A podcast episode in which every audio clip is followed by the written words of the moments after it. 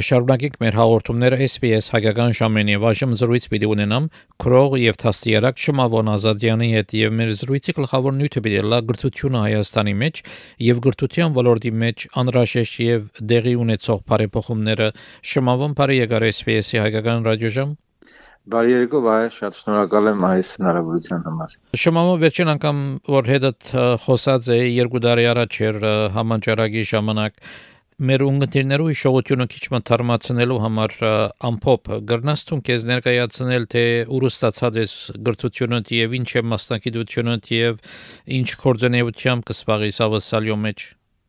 Այո, շատ սիրո 1993-ից 98 թվականներին ես սովորել եմ Երևանի Պետական Համալսարանում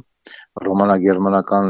ֆակուլտետում, այն ժամանակ այդպես էր կոչվում, հիմա փոխվել է անունը, այնտեղ ես սովորել եմ անգլերեն լեզու եւ արտասահմանյան գրականություն, այնուհետև ծառայել եմ Հայաստանի զինված ուժերում, Ղարաբաղում, Ստեփանակերտում, որից հետո մեկնել եմ Միացյալ Նահանգներ, թոշակ էի ստացել որտեղ շարունակեցի կրթությունս արդեն մագիստրոսի կոչում ստանալու համար այնտեղ ես Միացյալ Նահանգներում սովորել եմ շարունակեմ գրականություն, բայց ավելի կենտրոնացած ստեղծագործության, ստեղծագործական արվեստի վրա եւ սովորեցի ուսումնասիրեցի եւ մագիստրոսի կոչումը ստացա creative writing, այսինքն ստեղծագործական արվեստ, այսպես ասենք, հայերեն չգիտեմ որ ինչպես թարգմանեմ, արցակ եւ այդ ընթացքում արդեն ես բավական որոշ աշխատանքներ պատմվածքներ գրել էի սկսեցին հրատարակվել իմ առաջին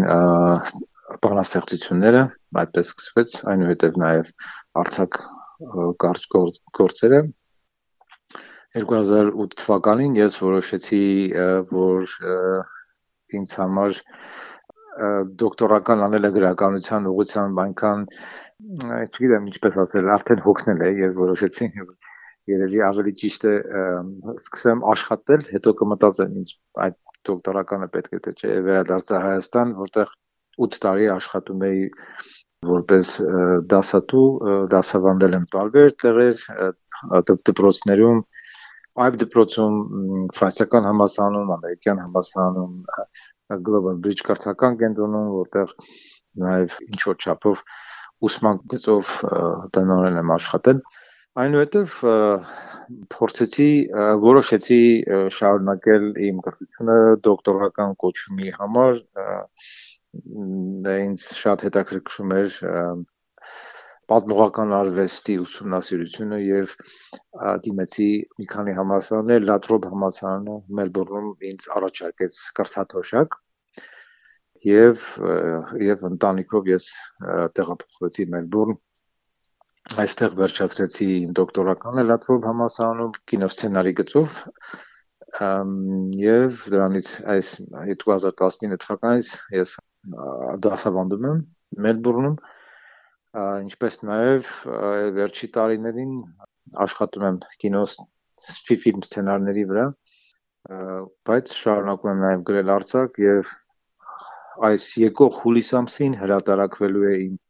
նոր պատմվածքը Նիգերիայում գտնվող Lunaris ամսագրում եւ մի բան էլ ավելացնեմ նաեւ աշխատում եմ ամերիկյան ֆիլմ պրոդյուսեր Ռաջ Մեհրոտրայի հետ մի հատ project ունենք եւ մեծ հույսեր կան որ 2024 թվականին այդ ֆիլմը արդեն լույս կտեսնի եւ մենք կարող ենք այն դիտել։ Հաջողությունները շնորհավորն։ Ուրեմն այսօր մեր զրույցի գլխավոր նյութն է գրթություն Հայաստանի մեջ երկար ուսումնասիրած է այս նյութը։ Ինձ որպես մի մարդ, որը կրթության մեջ արդեն այսպես ասենք 20 տարի եւ ավել մեծ ժամանակ է ես մեծ իմ կարիերայի ամբողջ մասը եւ աշխատել եմ որպես դասատու ուսուցիչ դասախոս ինձ համար շատ կարևոր է միշտ ինձ այդ հարցը հուզել է Հայաստանում կրթության որակը հիշելով 90-ական թվականները երբ որ Հայաստանը անկախացավ սովետական միությունից եւ հետո ես եւ իմ ընկերները, դասընկերները միշտ քննարկել ենք, խոսել ենք, բողոքել ենք դժգոհել ենք այդ այդ խնդիրներից, որ Հայաստանում կրթության վիճակը շատ ցածր է եւ իհարկե ես վերջին տարիներին ավելի մանրամասն փորձեցի ուսումնասիրել ուսումնասիրել ասելով փորձեցի տեղեկանալ ինչ է կատարվում Հայաստանում ինչ ինքս ինձ փորձեցի մտածել ինչ ինչն է պետք Հայաստանի համար, ինչն է պակաս Հայաստանի կրթության համար ինչպես կարելի է այն փոխել դրանք բարդ հարցեր են իմ քննարկումները շատ մարդկանց հետ որոնք գիտական կոչում ունեն եւ երկար տարիներ կրթության մեջ են ցույց են տալիս որ այդ հարցերը ինչպես պետք է լինի կրթությունը Հայաստանում ինչպես պետք է լինի հայկական կրթությունը, ինչպես փոխենք այդ կրթությունը, որ լինի լավ, շատ բարդ են եւ ինչքան որ ես հիշում եմ մեր խոսակցությունները եւ քննարկումները երբեք մենք չենք հանգել մի ինչ որ համաձայնության, որ այսպեսին պետք է լինի։ Սա բարդ հարց է, բայց ինձ միշտ ուզել է եւ պատասխանեմ կողարցին, որ այո, որոշ չափով ես մտածել եմ իմ պատկերացումներով, իմ տեսանկյունից ուսումնասիրել եմ այլ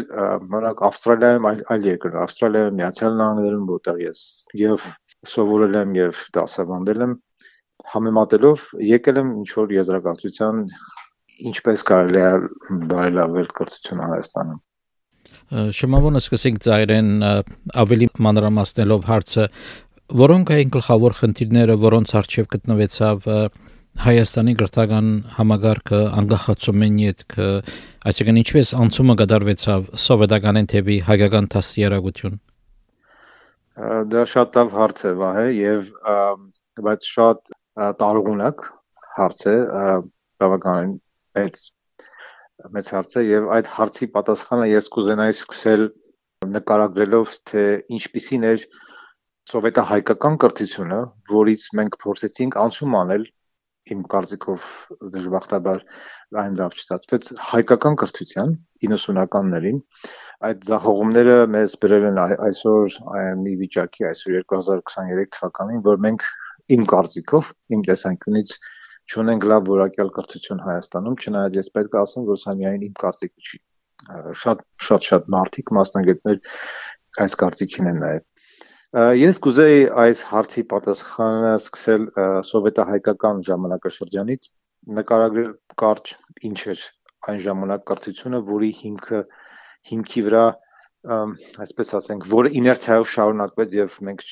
չկարողացանք այն փոխել հետ սովետական տարիներին։ Սովետական ժամանակ իմ կարծիքով կրթության մեջ ամենամեծ բացը այն էր, որ հումանիտար կրթությունը թեր զարգացած էր եւ այդ է իմ տեսանկյունից պատճառը, որ մենք այսօր ճունենք լավ որակյալ կրթություն Հայաստանում։ Պետք է նախ հասկանալ ինչ է նշանակում հումանիտար կրթություն եւ ինչ է նշանակում դրա թե զարգացած լինելը եւ ինչու է դա այդպես։ Սովետական ժամանակներում է սկսել այդ հումանիտար կրթության հետադիմությունը Հայաստանում։ Սովետական տարիներին հումանիտար առարկաները գրականություն, սոցիոլոգիա, հոգեբանություն, անթրոպոլոգիա, պատմություն, իրավագիտություն, այս առարկաները ցանկալի չէին, որպեսզի դրանք զարգանան խոշոր գումարներ էին ծախսում պետական անվտանգության վրա, զենքի արտադրության վրա, ոստիկանական տարբեր համակարգերի վրա, որպեսզի կարողանան վերահսկեն հասարակությանը, անձանց եւ այս համակարգերը բարձր մագարտակի վրա պահելու համար կարևոր էին առաջին հերթին բնական գիտությունների զարգացումը, ֆիզիկա, մաթեմատիկա, քիմիա, բնականաբար սրանք զենքի արտադրության համար շատ կարևոր են եւ Հայաստանում այս ոլորտները շատ զարգացած էին սովետական ժամանակ։ Սովետական միությունը փորձում էր հետ չմնալ ԱՄՆ Միացյալ Նահանգներից եւ եվրոպական երկրներից եւ զենքի արտադրությունը հաստված էր առավելագույն որակի, ինչի համար նորից շեշտեմ մաթեմատիկա, ֆիզիկա, մեխանիկա, այս ոլորտները շատ կարեւոր են եւ այդտեղ մեծ ներդրումներ էին պահանջում սակայն գրականության, սոցիոլոգիայի, հոգեբանության, լեզվաբանության եւ այլ առարկաների վրա այս ոլորտները ըստ կոմունիստական գաղափարախոսության դրանք այդքան կարևոր չէին եւ պետությանը ձեռք չէր տալիս այս ոլորտները զարգացնել եւ ռեսուրսները չէին ծախսում։ Կար նաեւ մյուս հարցը, որ հումանիտար գիտությունների եւ հումանիտար կրթության զարգացման կասեցում կար նաեւ որբիսի այն չզարգանա ոչ միայն ներդրումներ չէին արվում, այլ չէ թույլատրվում, որ այն այս գիտությունները, այս ոլորտները զարգանան սա ինչի էր անհրաժեշտ կոմունիստական կուսակցությանը, որպիսի նո պատճառը հենց հումանիտար կրթության հասկացության մեջ է։ Հումանիտար գիտությունները ուսումնասիրում են մարդուն, նրա հոգեբանությունը, նրա իրականության պատկերացումն ու դրա ձևերը, մարդու կողմից ստեղծված բարոյայթիկական արժեհամակարգը, մարդու իրավունքը հասարակության եւ պետության հետ իր հարաբերություններում այս սրանք թեմաներ են, որ սովետական ռեժիմի պայմաններում չէին կարող քննարկվել հանրայնորեն, այլ այս ոլորտներին առնչվող հիմնարարцերը մշակվում էին հենց կոմունիստական կառավարության մարմինների կողմից եւ հրամցվում էին հասարակությանը, ասելով որ այսպես է մեր գաղափարախոսությունը եւ դուք ճունեք ազատություն ունենալու ձեր կարծիքը եւ այլն եւ այլն ձեզ ոչ մեկ չի հարցնում այսպես ասենք Եվ բանակ պատկերացնենք մարդու իրավունքների բազմակարծիք քննարկում կոմունիստական կառավարության օրոք դա անհնար էր։ Իսկ բան չէր կարող լինել եւ բնականաբար եթե այսպիսի մոտեցում կա հասարակությունը գաղապարված է իր պատկերացումներով որոշակի գաղափարախոսության մեջ այդ մենք դժվար թե ակնկալենք որ այդ հասարակությունը կարող է բազմակողմանի զարգացած լինել Հիմա ինչ վերաբերվում է, քանի որ ես գրականության եւ ֆիլմի մասնագետ եմ, ես կարող եմ ավելի կոնկրետ այս ուղղությամբ խոսել ինչու գրականությունը ինչու է կարևոր եւ ինչու այն չզարգացավ սովետական ժամանակ եւ հետ սովետական տարիներին գրականությունը դա մի տեղ է որտեղ մարդն անընդհատ իրեն է ուսումնասիրում իր հոգեբանությունը եւ իր հարաբերությունները շրջապատի հետ, ընտանիք, ընկերներ, հասարակություն։ Այստեղ անհրաժեշտ է բազմակարծիքություն, քանի որ գրականության ուսումնասիրման ժամանակ, վերլուծության ժամանակ չկան հստակ ու ապացուցող պատասխաններ, չկան վերջ վերջնական լուծումներ։ Հակառակը ճշմարտությունը ստեղծվում է հենց ազատ ու անկաշկանդ մտածելակերպի արդյունքում սովետական գրականություն ու քրիստոնեայի դասագրքերը ես հիշում եմ աղոտ բայց հիշում եմ դրանք դիտարկում էին գրական գործերը ելնելով կոմունիզմի կողմից առաջադրված կոնցեպտների, սկզբունքների եւ աշխարհանկալման ֆիլտրով։ Սա նշանակում է, որ կոմունիստական կուսակցությունը ստիպում էր հասարակությանը հավատալ իր կողմից մշակված բարոյեթիկական եւ արժե արժե համակարգի ինչու։ Օրինակ ես հիշում եմ, որ Հեմինգուեյի վեպը քննարկվում էր որպես հայտնի վեպը պատերազմ կապիտալիստական աշխարհի դեմ, սակայն ես հայերեն չեմ կարող հիշել for whom the bell tolls այդ վեպը ում ում համար է զանգահնչումը, այսպես երևի թարգմանենք, սակայն այդ այդ վեպ ոչ մի կապիտալիստական աշխարհի դեմ ոչ մի պես գաղափարներ չկան, հա, պատերազմի առաջին համաշխարհային պատերազմը դա ֆաշիզմի դեմ է, դա ընդհանրապես այն պատերազմի դեմ է։ Եվ օրինակ այնտեղ երբ որ ես գնացի Միացյալ Նահանգներ եւ այդ նույն վեպը մենք քննարկում էինք դասընթացների ժամանակ պատերազմը դա ճարիք է մարդու դեմ, բայց բացի դրանից մենք օրինակ քննարկում էինք կնոջ կերպարը, որը գլխավոր կերպարի սիրեցյալն է եւ մենք նաեւ քննարկում էինք որ այդ կերպարը չհաջողված կերպար է Սակայն այսպիսի քննարկումներ սովետական տարիներին եւ հետո հետ սովետական շրջանում մենք Հայաստանում չենք ունեցել։ Սա գրականության ավելի խորը ուսումնասիրություն է, որը որին դեռ մենք չենք ասել։ Այս այն ասենք պարզունակ դե մոտեցումը, որ պատերազմը ճարիք է, դա շատ մեծ պատկերացում չի չի տալիս մարդուն ինքն իր մասին, ոչ միայն եւ նաեւ այն այն վեպի մասին, որը ուսումնասիրվում է։ Եվ սովետական ժամանակ նաեւ ընտրվում էին շատ սելեկտիվ էր գրականության ուսումնասիրությունը եւ եւ սովորեցնել։ Օրինակ ընտրվում էին թարգմանության համար Բեռնարդ Շոու անգլիացի հայտնի գրողը, քանի որ նա ուներ սոցիալիստական գաղափարներ եւ ներկայացվում էր, որ Բեռնարդ Շոուն սով, սովետական կոմունիզմի կողմնակից է, որը սուտ է, ներկայացում էր, որ նա կողմնակից է, որպեսի սոցիալիզմը իշխի, գերիշխի եւ կապիտալիզմը չարիք է, սակայն դա նույնպես կեղծ է եւ սուտ եւ սուտ է դրա փոխարեն ասենք չէին թարգմանվում William Faulkner-ի աշխատանքները որտեղ կային թեմաներ որոնք սովետական կոմունիստական կառավարությունը չէր ցանկանում որ հասարակությունը այդ մասին իմանա։ Դա շատ կարևոր մի հանգամանք կա. Գրականությունը, ֆիլմը եւ ընդհանրապես տեքստերի ուսումնասիրությունը բարձրացնում են անհատական ուժեղացնում են մարդու անհատականությունը երբ որ երեխաները կամ ուսանողները արդեն ավելի մեծ տարիքում քննարկում են քննադատաբար մոտենում են տեքստերին լեզվի ուսումնասիրությանը նրանց անհատականությունը բարձրանում է քանի որ նրանց ճանաչողությունն է բարձրանում ուժեղանում անհատականությունը ուժեղանում է կներեք սա պետք չէր սովետական կոմունիստական կառավարությունը նրանց պետք չէին վառ եւ ուժեղ անհատները, որոնց որոնք բարձր գիտակցությամբ կմոտենան հասարակական քաղաքական խնդիրներին եւ կդառնան խնդրեմ կոմունիստական ռեժիմի համար։ Եվ շատ հետաքրքիր է, որ այս նույն տենդենսը շարունակվում էր հետսովետական ժամանակ, որովհետեւ հետսովետական ժամանակ մենք ունեինք Լևոն Տեր-Պետրոսյանի ռեժիմը, հետո Ռոբերտ Քոչարյան, հետո Սերժ Սարգսյան, ունեինք շատ նման դիկտատուրայի ռեժիմներ, որոնց նույնպես պետք չէր որ անհատ հայ քաղաքացին զարգանա, ճանաչողությունը մեծանա, որովհետև դա խնդրեմ էր նրանց համար։ Նրանց պետք էր վեր, վերահսկել եւ կառավարել այդ մարդկանց այնպես ինչպես նրանք ցանկանում են։ Եվ մենք եւ դա փաստ է որ այն երեք նախագահները, որ մենք ունեցել ենք այն ռեժիմների ժամանակ Հայաստանում բազմակարծիքությունը արգելված էր, այսպես ասենք, մի քիչ կոպիտ եմ ասում, բայց այդպես էր, չկար բազմակարծիքություն, որ քննադատել նախագահին կամ որևիցե պաշտոնյայի ինչ որ ոստիկանության պետի նշանակում էր այդ մարդու հետ ինչ որ հիվանդ բան տեղի կունենա կամ նրան կտանեն բանտ Գալով հետսովետական շրջանին ես պետք է ասեմ, որ այդ անցումը իհարկե շատ բարդ էր, բայց ի սկզբանե այն ձախողված էր։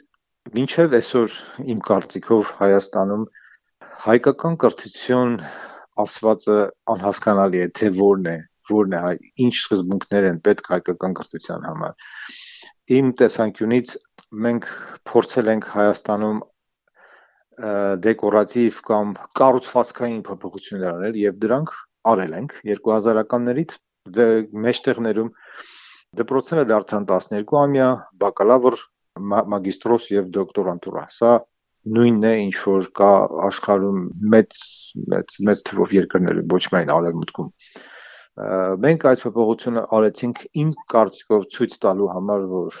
մենք ինչ որ ռեֆորմ ենք արել, բայց բովանդակությունը չփոխվեց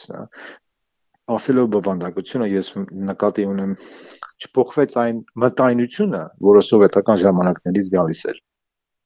Այն մոտեցումը բովանդակության, ինչպես ինչպես պետք է մանկավարժը իրեն դրսևորի օրինակ լսարանում, դասարանում երեխաների հարաբերությունները, մանկավարժի եւ ուսանողների կամ աշակերտների հարաբերությունները, ծնողների եւ այս այս ամեն ինչը մնաց սովետական։ Եվ ես պետք է ասեմ, որ երևի մինչև այսօր էլ մենք ունենք հիմնականում սովետահայկական կրթություն, չհաշված կառուցվածքային տարբերությունները իրենց բովանդակությամբ եւ վեհությամբ եւ իմ կարծիքով որ իմ կարծիքն է այդ որ մենք իրականում մեծ ցախողում ենք ունեցել ստեղծելու հայկական կրթությունը իհարկե սա կապված է քիչ քաղաքական այս քաղաքական դառնում իմ քննարկումը բայց կապված է քաղաքականության հետ իմ տեսանկյունից մենք չենք կարողացել նաև ունենալ անկախություն, ստեղծել անկախ հայկական պետություն, միշտ կախված ենք եղել Մոսկվայից, Ռուսաստանից եւ այդ վերահսկումը շատ հստակ երևում է այդ այսօր, որ օրինակ Ռուսաստանը պահանջում է նոր ռուսական դպրոցներ բացել Հայաստանում այն պայմաններում, երբ մենք ունենք ավելի շատ մի քանի անգամ ավելի շատ հայ բնակչություն Ռուսաստանում, բայց ոչ մի հայկական դպրոց չունենք։ Այս կուզենայի նաև միգուցե խոսել այն մասին, թե ինչու է կարևոր գրականության եւ տեքստերի մեդիայի ուսումնասիրությունը եւ ինչ ինչ դա կտա մեր հասարակությանը։ Իմ կարծիքով դա ամենա կարևորն է այս պահին մեր հանրակրթական դպրոցներում բարձրացնել գրականության եւ մեդիայի տեքստերի ուսումնասիրման որակը, քանի որ մենք խոսում ենք անկախության մասին, հայկական կրթության մասին, ամենակարևոր բանը այստեղ լեզուն է։ Հայոց լեզուն, հայերենը։ Այսօր Հայաստանում եւ այս 30 տարիներին չեմ հաշվում սովետականը, որտեղ այն ժամանակ հայոց լեզվին ոչ մեկ բանի տեղ չէր դնում, ոչ մեկ դրա վրա փող չէր ծախսում։ Մենք չենք ուսումնասիրել մեր լեզուն, այնպես ինչպես օրինակ ես լինելով հայ, երբ որ գնացի Միացյալ Նահանգներ, ուսումնասիրում էի անգլերեն լեզուն։ Մենք օգտագործում ենք Հայաստանում լեզուն ուղղակի հաղորդակցվելու համար, իրար ինչ-որ մի բան ասելու, բայց լեզուն ունի տարբեր շերտեր եւ լեզվաբանությունը շատ կարեւոր առարկա է քանի որ մենք լեզվու միջոցով ենք ճանաչում իրականությունը քաղաքական հասարակական իրականությունը որը շատ կարեւոր է քաղաքացի լինելու համար ճիշտ որոշումներ կայացնելու համար չմոլորվելու համար, հասկանալու համար, ճանաչելու համար։ Այդ լեզվի կրթությունից է գալիս սկսվում ամեն ինչ։ Եվ ես կարծում եմ, որ պետք է սկսել այդտեղից։ Հայոց լեզուն պետք է վաղ տարիքից մեր հանրակրթական դպրոցներում ավելի խորը ուսուցանվի տեքստի վերլուծությունը։ Օրինակ կարող եմ վերել այս վերջի տարիներին հեղափոխությունից հետո Հայաստանում անընդհատ մենք տեսնում ենք մի երևույթ ինչ որ մի գործիչ, քաղաքական գործիչ տեքստի մեջից մի հատ բառ է վերցնում եւ գալիս է հրաապարականորեն ցույց է տալիս այդ բառը ասում է այսինչ այսինչ է այսինչ բառը ասել հողերը պետք է հանձնենք եւ սրանով քննադատում այդ ինչ գործիչին ասում է նա ուրեմն դա վաճան է եւ այլն այլն եւ այս երկու տարիների ընթացքում կամած կամած Հայաստանում սկսվեց քննարկում արդյոք սա ճիշտ է թե չէ եւ մարդիկ կամած կամած նաեւ սկսեցին հասկանալ որ համատեքստից երբ որ արտահայտությունը կամ բառը կամ բառակապակցությունը փոկում ես եւ առանձին դու ներկայացնում ես դա մի բան է նշանակում իսկ երբ որ ամբողջ համատեքստի մեջ ես նրան դիտարկում դա ուրիշ բան է նշանակում եւ շատ կարեւոր բան է հասկանալ համատեքստը ինչ է ենթատեքստը ինչ է եւ հասկանալ նաեւ օրինակ որ բառը եւ արտահայտությունը կամ բառակապակցությունը իր իմաստը փոխում է եւ տարբեր իմաստային շերտեր ա ձեռք բերում, երբ որ այն օգտագործվում է որոշակի համատեքստում։ Այլ տեսանկյունից եթե մենք նայենք տեքստերի եւ գրականության եւ ինչպես նաեւ ֆիլմի ուսումնասիրությունը ինչու է կարեւոր։ Օրինակ գրականությունը թույլ է տալիս կամ սովորեցնում է անհատին կարողանալ տարբեր տեսանկյունից քննել իրականությունը, որտեղ այնտեղ միշտ տեսանկյունի հարց կա, ում տեսանկյունից է պատմվածքը գրված ում տեսանկյունից ենք մենք տեսնում դեպքերը տարբեր տեսանկյուններից դիտելը շատ կարևոր բան է իրականություն քննարկելու համար, խնդիրների լուծման համար, պատկերացումներ հասարակական քաղաքական երևույթների ձևավորման ինչպես նաև գրականությունը եւ ֆիլմը եւ տեքստերը մարդու հոգեբանությունն են բացահայտում շարժառիթներ, զգացմունքներ, աշխարհընկալում, մոտեցումներ բարոյականության էթիկայի արժեքներին Լսեցինք հարցազրույցի առաջին մասը քրող եւ տասիարակ Շմավոն Ասադյանի հետ հարցազրույցի երկրորդ մասը պիտի ցանասապրեմ առաջիկա 3 շաբթի օրվա այդակրի ընթացքին